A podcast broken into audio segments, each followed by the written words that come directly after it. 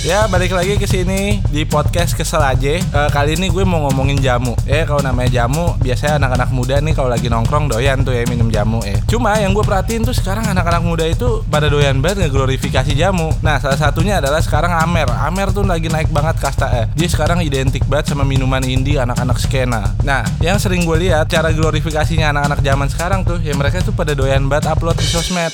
Eh Ya gue tau lah. Maksudnya lo semua nih yang pada minum Gue harap sih lo semua tuh udah dewasa Udah cukup umur dan udah ngerti Namanya minum tuh harus bertanggung jawab Atau bahasa Inggrisnya drink responsibly lah. Cuma tetap nih satu yang harus digaris bawahin Kenapa sih lo harus ngupload lo lagi di sosmed? Lo lagi minum-minum Terus lo pasang foto muka so imut Megang-megang botol. Ah tahi gak jelas banget anjing. Itu gak ada keren-kerennya sama sekali. Maksudnya poin kerennya di mana? Gue gak ngerti. Coba lu, lu tolong dong jelasin gue ini poin kerennya di mana.